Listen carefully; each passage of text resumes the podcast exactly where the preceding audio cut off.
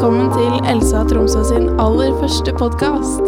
Det er jo en eh, debut, selv om det ikke er planlagt å bli et fast innslag, da. Men eh, digitale arbeidslivsdager stiller krav til noen tilpasninger. Og vi gjør så godt vi kan for at dagene skal bli så innholdsrike og nyttige som tidligere år. Jeg heter Solveig Bjanger, går andre avdeling og sitter i styret i Elsa Tromsø. Akkurat nå sitter jeg rigget til i Sandefjord Fotball sitt eget podkaststudio på Sandefjord Arena.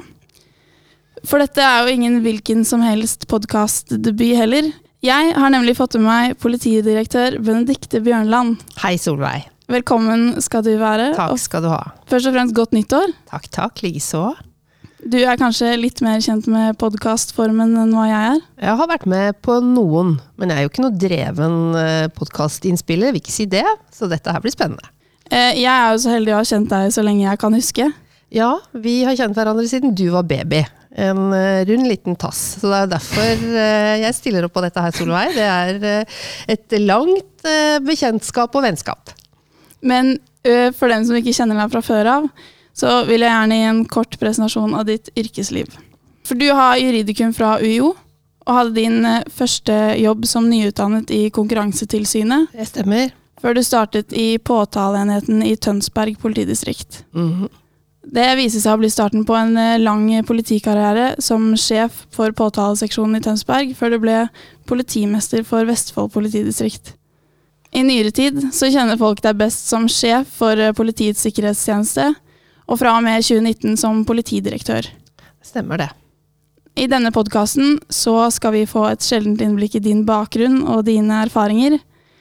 Eh, og jeg er kanskje helt fersk som podkastvert, men eh, noen triks har jeg plukket med meg som lytter. Så i sann eh, podkaststil så har jeg kommet opp med noen spalter. Vi kan jo gå rett i gang med første spalte, som jeg har valgt å kalle På tiltalebenken. Ja, men så bra, Solveig. Det høres fint ut. Den fungerer sånn at jeg stiller deg noen kjappe spørsmål som du svarer på så godt du kan, sånn at uh, lytterne kan bli litt bedre kjent med deg på overflaten. Er du klar? Jeg er klar. Det er ikke på tid, dette her. Nei. Nei.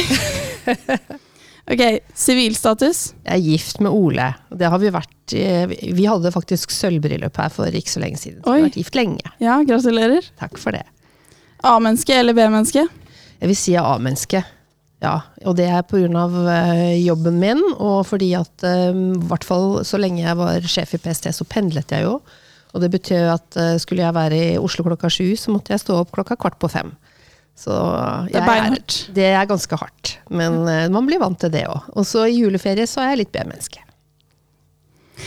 Favorittmusikk? Jeg vil si jazz. Um, veldig glad i Diana Crawl, uh, Melody Gardot, Chet Baker. Så er jeg egentlig litt sånn altetende på musikk. Altså jeg kan høre på Def Leppard òg, jeg, uh, og ACDC, men, men jeg har en forkjærlighet for jazz. Det er kult. Eh, Favorittferiedestinasjon? Er det strand, by eller fjell du velger? Jeg vil nok si um, Strand by. Jeg liker å reise til sydlige strøk. Eh, Spania har vi vært eh, i de siste årene før koronaen, i en liten kystby som heter Cadaqués. Ikke noe sånn storbyliv, men en sånn liten, koselig fiskelandsby med, hvor det er strand, og hvor du har mulighet til å gå tur, og hvor du har mulighet til å spise godt. Har du noen skjulte talenter? Jeg vet ikke hvor skjult det er, men um, kanskje ikke så veldig mange som veit at jeg har svart belte i karate. Eh, Så det var noe jeg holdt på med en del år, og som jeg tok opp igjen faktisk når vår eldste datter var liten. Så jeg trente sammen med henne noen år også. Men jeg har ikke gjort det på en del år nå, altså. Men eh, et sort belte mister man jo aldri. nei, det visste jeg ikke. Hva gjør du helst når du har fri? Jeg går mye tur, og jeg trener litt lite grann. Eh, og så liker jeg Altså, jeg spiser aviser. eh, digitale utgaver. eh, og jeg er glad i å se på Altså, jeg har eh, HBO-abonnement, jeg har Netflix-abonnement, eh, så jeg ser på serier og filmer og Har du serietips? Um, ja, jeg har vel, må jeg bare tenke, tenke. Fordi um, det er jo Jeg syns jo den uh, siste til hun um, Altså Hugh Grant og hun The Undoing. Den har jeg ikke sett, men alt med Hugh Grant er jo bra. Ja, jeg skal ikke si det, men, men den er i hvert fall bra. Og så syns jeg faktisk uh, Queen's Gambit, uh, som er en sånn miniserie, den er å anbefale å se. Har du et godt studietips? Ikke gi det. Eh, hold ut. Eh, for, og det er greit å si til en jusstudent, for det er et langt eh, studie, og det er mye lesing. Eh, og så vil jeg vel si at eh, hvis jeg skulle gått om igjen nå, så tror jeg jeg hadde gjort mer oppgaver. Mer praktikum. Eh, og så skrive, skrive, skrive om igjen. Og skrive nok en gang. Og skrive samme oppgave to og tre ganger. Eh, og på en måte lære seg den juridiske metoden. Det å lære seg å drøfte, det er et godt tips. Eh, vi kan jo gå videre til neste spalte. Eh, du har jo en av de kuleste CV-ene jeg kan tenke meg. Og Derfor tenkte jeg at det hadde vært spennende å snakke litt om de ulike yrkene du har vært innom. Eh, særlig med tanke på det å jobbe som jurist, for det er jo det arbeidslivsdagene dreier seg om. Så vi kan jo starte med studiene, da. Vi var jo inne på studietips. Mm. Um, hvordan ble det juss for deg? Det var eh, tilfeldig. For jeg var jo ikke noe sånn eh, altså Jeg var ikke noe flittig eh, elev på videregående. Når jeg gikk på videregående, det var jo liksom på begynnelsen av 80-tallet, så var det jo på mange, mange måter Mange studier var åpne, så vi hadde ikke det presset på oss for å få gode karakterer på, for å komme inn på et studie. Det var vel kanskje stort sett medisin da, som hadde et høyt karaktersnitt, og ja, tannlege og noen andre studier også, men jussen var jo åpen. Eh, så jeg kom inn der. Jeg hadde liksom ikke noen planer for så veldig mye, annet enn at eh, jeg visste at jeg skulle få meg en utdannelse. Så leste jeg en roman eh, som hadde en kvinnelig advokat som en, sånt, eh, eh, som en sånn hovedperson. Og så tenkte jeg at det var jo Det er jo ikke så dumt det å bli advokat og bli jurist. Eh, Så sånn kom jeg inn der. Jeg hadde ikke mamma eller pappa det, som var jurister. Det var liksom mange generasjoner tilbake, noen oldefedre og sånt, noe, som var jurister, men pappa var sivilingeniør, så det var liksom ikke der inspirasjonen kom fra. Eh, Og som sagt et åpent studie. Og når jeg startet på jussen, så var vi vel det var første gang det var lukket, men det hadde ikke satt noe snitt for hvor, altså hvor mm, snittet skulle ligge for å ta inn. Så når jeg kom inn, så var vi over 1000 studenter som startet på mitt kull på Universitetet i Oslo. Oi. Og da jeg var ferdig fem og et halvt, seks år etterpå, så var vi til 100 og noen og 30 som ble uteksaminert. Så det sa seg jo selv at dette her var jo var betydelig frafall. Ja. Det var noe helt annet å være jusstudent da. Heldigvis så har det blitt mye bedre, tror jeg. Jeg tror man følges opp mye tettere og bedre i dag enn det vi gjorde på 80-tallet. Mm. Ja, for vi har jo, er jo heldige å ha gode seminarer, og nå er forelesningene våre digitale, og ja, vi har tett oppfølging. Ja, det er, det er jo det så godt å høre. Fordi eh, når jeg gikk der, så var det litt mer sånn man ble bare kastet uti det, og enten så synker du, eller så svømmer du. Eh, og for meg så var Jeg vil jo si at eh, jeg syns ikke jussen ble noe særlig artig før jeg kom egentlig godt inn på tredje avdeling. Jeg vil si fjerde avdeling. Da hadde vi forvaltningsrett, blant annet. Da syns jeg det begynte å bli morsomt. Eh, og før det så var det litt sånn et utholdenhetsløp. Mm. Lese, jobbe, stå opp tidlig, være på lesesalen. Heldigvis hadde jeg gode venner. Vi var en sånn liten eh, flokk som var sammen. Og så, når jeg kom til eh, og så hadde begynt på fjerde avdeling, da hadde jeg bestemt meg sammen med eh, noen venner å reise til USA og ta et sånt halvår der borte, ta spesialfag i amerikansk rett. Kult. Og det var, det var kjempefint. Det var en god opplevelse etter å ha slitt og studert og holdt på og tatt opp igjen noen eksamener for å få bedre karakterer. ikke sant? Altså, det var jo et evig kjør. Og det å gjøre noe, et, eh, noe annet et halvår, det var veldig fint. I tillegg så fikk vi, vi som reiste, vi var 14 stykker fra Universitetet i Oslo, vi ble jo på en måte venner for livet. Ja. ja, for dette med karakterjaget, det har jeg tenkt litt på. For nå er det jo eh, sånn at man jobber så hardt for å komme seg inn på studiet. Eh, når du forteller at det er åpent. Men det virker som om det likevel var et jag på selve studiet. Ja, da hadde vi et annet jeg tror ikke det, altså Den gangen så var det et annet karaktersystem. Nå er det jo A, B, C, D, ikke sant? Eh, og den gangen når jeg gikk der, så var det jo eh, tallkarakterer. Eh, så den såkalte Laud-grensen, den gikk på 2,75. Eh, og det var jo et, et veldig kjør på å få eh, 275 eller bedre, da. Eh, og det har slått meg sånn i ettertid at det er jo Jeg har truffet mange jurister, jeg, som kjempedyktige, kloke, gode advokater og, og jurister i offentlig forvaltning, og, som ikke nødvendigvis har 275. Sånn at der, man kan få et veldig rikt og godt yrkesliv uten å ha de aller beste karakterene. Mm. Uh, og det tenker jeg er liksom noe å ta med seg. da. Jeg håper det fortsatt gjelder i dag. Jeg tenker i hvert fall Når vi rekrutterer, når jeg har vært med på å rekruttere over mange mange år, at eh, karakterer er ikke bare det man ser på. Ja, for det er kanskje den inngangsbilletten da, inn til yrkeslivet som man jobber så hardt for. Det er jo det. Og det er jo, hvis man liksom skal være dommer i Høyesterett, så, så er det jo noen sånne karaktergrenser som er ganske uoppnåelige for ganske mange, da. Eh, og også å jobbe i domstolen og være dommerfullmektig og sånn, så tror jeg nok det er, det er lurt å, å, forsøke å få en god karakter for å få, for å få den jobben. Men det er mye annet som er morsomt å jobbe med som jurist, enn å være dommer i Høyesterett. Mm. Eller å få disse jobbene hvor man, man har veldig sånn karakterkrav. Da. Så jeg har lyst til å gi litt sånn, hva skal jeg si, eh, litt trøst til eh, alle studenter som ikke nødvendigvis bare får A og B. Men man kan ja. få et rikt og godt og veldig spennende yrkesliv uten å gå ut med de aller beste karakterene. Mm. Så bra. Ja, men hvilke vurderinger gjorde du deg om fremtidig jobb da du gikk på studiet? Jeg har aldri mm, egentlig planlagt for noen sånn karriere, øh, vil jeg si. Det jeg hadde lyst til når jeg begynte å nærme meg slutten på jusstudiet, det var at jeg har lyst til å få meg en jobb hvor jeg kan prosedere. Og det var øh, grunnen til at jeg etter hvert, etter det første året hvor jeg hadde vært i Konkurransetilsynet, øh, tenkte på politiet. For i politi og påtalemyndighet, som jurist, så får du aktorere mye. Mm. Du får mange muligheter til rettsoppmøter, eh, og du får mengdetrening. Så det var, eh, det var årsaken til at jeg valgte politiet i første, i første omgang. Hvis vi går litt tilbake til jobben din i Konkurransetilsynet, hvilken rolle hadde du der? Jeg jobbet på en, sånn, en liten granskningsenhet som skulle avdekke ulovlig prissamarbeid. Så vi var to jurister eh, pluss sjefen vår, Frode som reiste rundt på bedriftsbesøk. Eh, hvis, vi hadde, hvis vi hadde, fått tips, meldinger om at det var bransjer som drev med prissamarbeid. Da.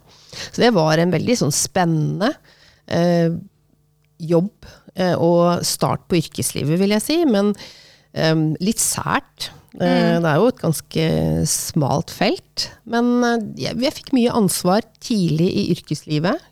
og det gjorde vel at jeg var jo var i hvert fall ikke engstelig og redd når jeg etter hvert søkte på jobb i, i, politiet. Så da sa jeg opp en fast jobb i, i det som da het Prisdirektoratet.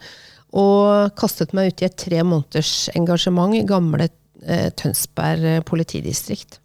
Ja, for du har fortalt meg tidligere at du gikk flere år uten fast jobb. Ja da, jeg tror jeg fikk min første faste stilling etter fem år. Eh, så jeg hadde liksom vikariat som varte et år, og så det, var det forlengelse i to år til, og så var det et halvt år. Og, og sånn var det den gangen. Eh, så det var først når eh, det var en eller annen som hadde hatt permisjon evig lenge, sa opp, at jeg fikk fast jobb, og da som politiinspektør. Oi. Da hadde jeg vært der, en, vært der i fem år. Ja, Det høres stressende ut. Ja, altså, men jeg tror den gangen så tenkte vi som jobbet og hadde vikariater, at det ordner seg det var liksom sånn, det, det, ordnet seg, selv om man på en måte ikke hadde fast jobb. Men sånn ideelt, med tanke på at man skal eh, kanskje kjøpe seg sin første leilighet eller hus, og, og ikke ha fast jobb. Så, så, ideelt sett sånn så var det jo ikke, da. Nei, men, For, men er det annerledes nå å få fast jobb i politiet? Jeg, jeg, tror er, jeg, tror det går raskere, og så er det jo kommet noen rettsavgjørelser med tanke på at Eh, man opparbeider seg vel i utgangspunktet et stillingsvern etter en sånn tre år pluss minus. Sånn at øh, man har en, en, fast jobb før det, gjerne. Ja. Mm. Men jobben som øh, politijurist, det er jo kanskje den, det, jo det mest ettertraktede yrket blant nyutdannede jusstudenter? Ja, det er veldig hyggelig, for vi, vi scorer jo på sånne undersøkelser, sånne type konkurranser eh, om hva er den mest attraktive arbeidsplassen for jusstudenter, eh, men også for ferdig utdannede jurister. Så i to kategorier så vinner vi år på år på år. Eh, så, og det er jo hyggelig, Det betyr mye for oss at vi er en attraktiv arbeidsplass, og jeg tror noe av årsaken er jo eh, for det første at det er spennende. For det andre at du får mye eh, prosedyreerfaring, og du får stort ansvar egentlig fra eh, første dag på jobben. I tillegg til at mange opplever at man har et jobb hvor, hvor hjertet er med. Man er på en måte på den rette siden. Man gjør noe godt for samfunnet. Og det, mm, det, tror, det tror jeg alle som jobber i politiet opplever. Men det er jo også til tross for at det rapporteres om eh, litt vanskelige og utfordrende arbeidsforhold. Eller Ja arbeidsvilkår. Altså, jeg tror at eh, jurist, Politijuristenes fagforening mener jo at arbeidspresset er for stort, at eh, avlønningen er for dårlig. Så de er jo kritiske til, til politijuristenes arbeidshverdag. Og så tror jeg også det at de ønsker at politijuristene skal skilles ut fra politietaten og underlegges eh, statsadvokatembetene. Da.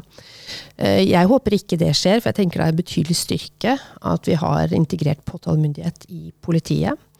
Um, For det er et ganske særegen system for Norge? det er ganske Norge. særegen system, og jeg tenker at det gjør at vi har både en høy kvalitet på etterforskningen, eh, og i tillegg til at eh, eh, den er ganske effektiv. Mm. Eh, Så eh, jeg håper at eh, politisk ledelse beslutter at politijuristene fortsatt skal være i politiet, og jeg tenker jo at disse arbeidsmarkedskåringene, som igjen og igjen viser at vi er en veldig attraktiv arbeidsplass, det borger for det. Mm.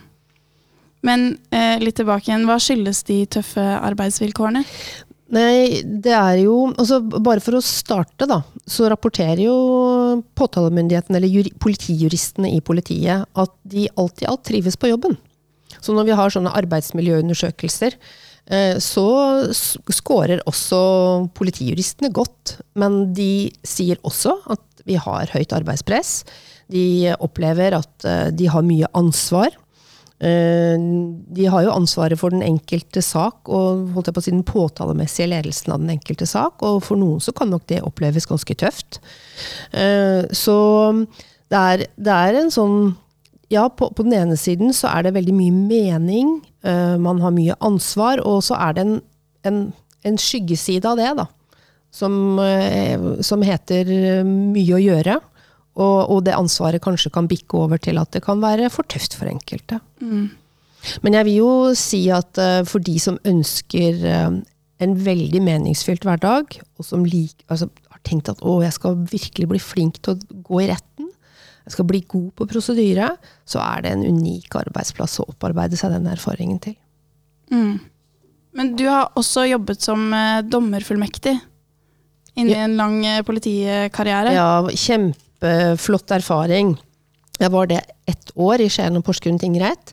Og jeg vil jo si at um, etter å ha vært i påtalemyndigheten da, eller politi og påtalemyndighet i fem år som politijurist, så begynte jeg som dommerfullmektig uh, og var det da et år. Og da hadde jeg liksom egentlig tilstrekkelig med si, erfaring, da. Uh, og prosesserfaring til at jeg kunne gjøre en ålreit jobb også som dommerfullmektig. Og jeg vil jo si at det lærte meg enda mer. For da kunne jeg sitte og observere eh, de gode påtalejuristene, de som ikke var så flinke, de gode advokatene, de som ikke var så flinke. Og jeg vil jo si at jeg lærte veldig mye av kanskje hva jeg ikke skulle gjøre. Så én ting var nå å plukke opp ting som jeg tenkte var bra, men like mye å eh, ha en, en observatørstatus som, som, og en prosessleder som en dommer er, da, og få med seg det der var ikke smart å gjøre det på den måten. Det å gjøre det slik, det Nei, det er ikke fruktbart. Så jeg lærte mye av det. Så for de som har anledning til å jobbe i domstolen etter hvert, så er det veldig spennende. Ja, Og lærerikt. Mm. Men du var tilbake i eh, politiet etter det ene året. eh, Og etter lang tid i ledelsen av Vestfold politidistrikt, så var du nesten syv år sjef for Politiets sikkerhetstjeneste. Vi kunne jo ha snakket om den jobben i evigheter, men eh, vi skal prøve å begrense det, så det er kanskje ikke så relevant i denne sammenhengen. Det er nok mange som syns at det hadde vært eh, spennende hvis jeg kunne fortelle mye fra den eh, jobben. Eh, der ser jeg han teknikeren vår nikke, i hvert fall. Men, men lite grann går det an å, å snakke om også det å være i landets sikkerhetstjeneste. Det er jo en, en jobb hvor du jobber med det mest alvorlige som truer det norske samfunnet. Det er mye ansvar. Eh, og det er mange medarbeidere der som eh, virkelig føler på det ansvaret det er å være landets sikkerhetstjeneste. Også der så jobber det mange jurister. Mm. Og det er selvfølgelig også de som jobber med etterforskning og påtalemessig ledelse av saker. Det har, vi, har, man også i PST, men man har også jurister som jobber med personvern. Og som er, jeg vil si antagelig noen av landets dyktigste på personvernjuss. For eh, PST har jo inngripende metoder som man kan eh, benytte hvis det er grunn til å tro at eh, det er noe som truer landet vårt. Så kan man bruke til dels ganske så inngripende metoder. Men det forplikter jo. Og det betyr jo at det må være betydelig med kvalitet knyttet til den metodebruken. Og det er her vi har et um, EOS-utvalg Eh, som titter PST og E-tjenesten i kortene kontinuerlig. Og det er et parlamentarisk nedsatt utvalg som er på oppdrag for Stortinget for å passe på at landets sikkerhetstjeneste ikke tråkker over. Fordi man, man hører jo ikke, man får ikke vite hvis man er eh, gjenstand for undersøkelse fra PST. Det skjer i det skjulte, og da har man dette overvåkningsorganet som passe på og ettergår at dette her blir gjort på en ordentlig måte. I tillegg til selvfølgelig at uh, all metodebruk er underlagt domstolskontroll. Men uh, i tillegg til det så har man jo også internkontroll i tjenesten. og Der er det disse her kjempeflinke personvernjuristene kommer inn. Uh, og er strenge advokater på vegne av enkeltindivider som blir faktisk utsatt for overvåkning. Da. Det høres ut som en veldig kul jobb. Det er en, er en veldig kul jobb. Og spennende. Mm. Og ansvarsfull. Ja. I senere, eller siden eh, starten av 2019 så har du vært politidirektør. Eh, det en, var det en stor overgang fra stillingen som sjef i PST? Ja, det er jo mm, med egentlig hele politietaten som ansvarsområde, da. At man er politidirektør minus egentlig PST. Mm. PST er jo egentlig på siden, er ikke underlagt Politidirektoratet. Så det er, det er, et mye videre felt, vil jeg si. Et videre ansvarsområde. Det har vært mye jobbing. Jeg tror jeg aldri har jobbet så mye i mitt liv. Så um, det er kanskje en liten nedside, men samtidig så er det også meningsfylt, da. Mm. Det vil jeg si. En, du er jo da øverste leder for 17 000 politifolk. Ja, det forplikter, det. Ja. Hvordan er du som leder? Jeg tror jeg har lært meg eh, opp gjennom årene at det å være leder, det er, handler ikke om å være best i klassen. Det handler ikke om å være best på alle de feltene du faktisk er satt til å lede, men du må ha hva skal jeg si, eh, nok selvtillit og nok is i magen til å stole på at de folkene du leder, faktisk gjør jobben sin. Du må mm. våge å gi fra deg ansvar. Du må våge å gi tillit. Uh, og når, når, ikke ting går som det skal, så må du ha rygg nok til å bære det, og ikke liksom drive og piske på og kjefte på folk for at uh, ting har gått galt. Noen ganger så kan det jo være grunnlag for å være sur og kjefte litt òg, men det er på en måte ikke, det er ikke da du får fram det beste i folk. Det er uh, gi tillit, litt sånn tabloid, bygge et lag. Eh, det å ha flinke ledere rundt seg, den nærmeste flokken din, som på en måte altså du, Som øverste leder så leder du gjennom andre ledere. Mm. Og det å, å, få såpass tillit at folk liksom både puster med magen, de føler at de har sjefen sin i ryggen. At jeg st står der sammen med dem når ting ikke går bra også. Eh, da kan det bli bra resultater. Det høres jo ut som noe som også kan gjøre store topplederstillinger til litt mindre ensomme? Ja, hvis du sitter og tenker at du for det første skal løse alt selv, eh, og egentlig ikke har så veldig stor tillit til de folkene rundt deg, så tror jeg det blir veldig ensomt. Så jeg er avhengig av å ha folk i hvert fall de som er nære, som jeg kan snakke med vanskelige ting om, og egentlig vise meg litt sårbar overfor også. Og si at dette her syns jeg er kjempevanskelig, her behøver jeg hjelp, her må dere hjelpe meg. Det tenker jeg det, det gjør at da, da overlever man. Da kan man ha gode dager også. Hvordan klarer du å koble ut, da? Klarer du å legge fra deg jobben eh, når du drar hjem, eller tar du den ofte med hjem? Ja, det kan, Hvis det er vanskelige saker, så kan jeg nok gå og kverne litt. Så da hadde jeg nok hatt eh, enda mer behov for litt sånne kognitive teknikker. Og verktøykasse, og bruke den litt mer aktivt enn det jeg alltid gjør, da. Men jeg har lært meg noen teknikker. Som jeg, hvis jeg har bitte litt av overskudd, så kan jeg bruke det. Men hvis du er veldig sliten, så orker du ikke det heller, vet du. Vil du dele noen av dem med oss?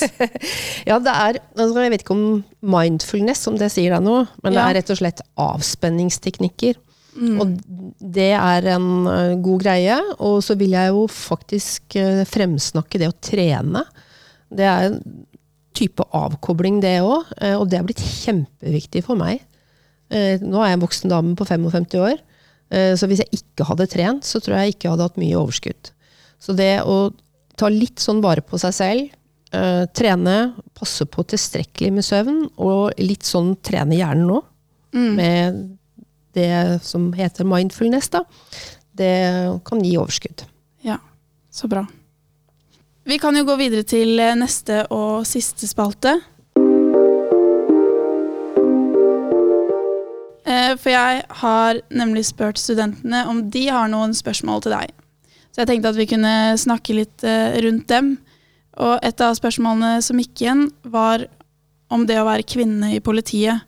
Eller hva er erfaringene dine med å være kvinne i et eh, tradisjonelt mannsdominert yrke? Eller Ja. en bransje, da. Ja, når jeg begynte i påtalemyndigheten i politiet for uh, en del og 20 år siden, så var det nok like mange kvinner, nesten like mange kvinnelige jurister som mannlige. Men i etaten for øvrig så var det jo en, en, fortsatt en, en betydelig mannsdominert etat. Nå er det i ferd med å endre seg, sånn at på Politihøgskolen nå så kommer det inn flere jenter, damer, enn en menn. Så det bildet endrer seg. Og det har jeg sett over de siste årene, at, at vi får flere og flere kvinnelige ledere.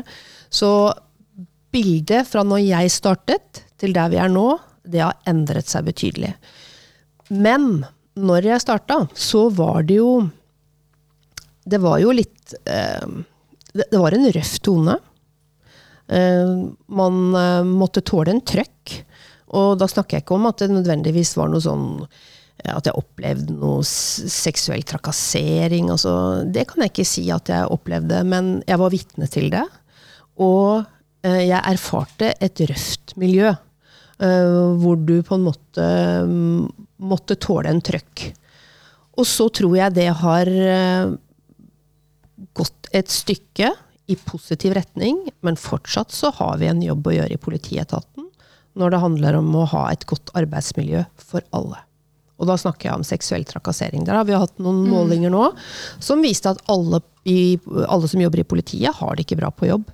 Og det er et ansvar særlig for alle ledere i norsk politi. Særlig for meg, men også egentlig for alle de som er medarbeidere i den etaten. Å sørge for at det er hyggelig og trygt å jobbe i politiet. Ja, det er viktig. Det er viktig. Eh, og så er det et litt mer personlig. Eh, hva er det som motiverer deg, og hva er viktig for deg i en jobb? handler kanskje litt om det, og hvordan finner man drømmejobben? Ja, og som, som jeg sa vel innledningsvis også, jeg har aldri planlagt karrieren min. Jeg har aldri gått og tenkt at eh, ja, liksom etter fem år så skal jeg være der, og etter ti år skal jeg være politimester, og så skal jeg bli PST-sjef, og til slutt så skal jeg liksom opp som politidirektør. Jeg har aldri lagt noen sånne planer. Men det som har vært viktig for meg, har vært at jeg må føle at jeg har en jobb som appellerer til hjertet. Eh, som gjør at jeg føler at jeg er med, ikke aleine, men jeg er med på et lag som utgjør en forskjell. Og det kan jeg si virkelig, helt genuint, det har jeg hatt i hele mitt yrkesaktive liv innenfor politi og påtalemyndighet og i PST. Jeg har hele tiden følt dette her betyr noe for andre. Og det er en sånn indre hva skal jeg si, en indre drive, en motor som egentlig tikker og går. Så jeg behøver ikke noen sånne andre motivasjonsfaktorer, jeg. Eh, at jeg liksom, karrieren skal stige og stige. Det er ikke det som har drevet meg, men det er mer det der at jeg føler at jeg bidrar til noe godt nå. Og så har jeg også dårlige dager. Jeg har også nedturer på jobb. Eh, saker som har gått dårlig. Eh, og det, er klart at det er eh, Da må du liksom eh, ned i gjørma da, eh, og stå litt i gjørma. Og så vokser jo mange på akkurat det der å føle at eh, du kommer deg opp igjen nå, da. Du kommer deg opp av det som var vanskelig og vondt og syntes nesten uhåndterbart. Det er en vei ut av det. Hva er du mest stolt av i din karriere? Jeg tror ikke jeg har noen sånne enkelt saker, men jeg kan vel Jeg tror kanskje at det Enkelte opplevelser i PST, da har jeg virkelig følt at her har vi bidratt til å trygge landet vårt. Det har vært veldig givende. Det var en stor følelse. Det er en stor følelse, og det igjen har vært et lagarbeid. Det har ikke, vært, det har ikke vært min eh, achievement. Det har vært lagets eh, oppnåelse, det. Det er jo et fint sted å begynne å runde av. Ja. Ehm, jeg vil eh, takke deg for at du tok deg tiden, Benedikte. ja, det var veldig hyggelig, Solveig.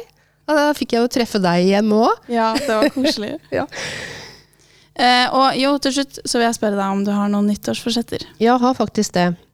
Det går ut på å eh, prøve å handle enda litt mer bærekraftig, faktisk. Eh, litt mindre matsvinn, enda flere restemiddager. og eh, i det hele tatt litt mer bærekraftig forbruk. Så Så, nå har vi fått oss én elbil. Fortsatt Ja. så har vi en, et gammelt, eh, hva skal jeg si, nesten vrak av en eh, Volkswagen Beetle. Den har vi tenkt den skal vi kjøre til Spiker, for det betyr også, det er også bærekraftig det. Og så har vi én elbil, og det er jeg veldig fornøyd med. Kan vi ikke la det så som eh, siste oppfordring, da? Ja, litt mer bærekraft. Takk for praten, Benedicte. Likeså, Solveig.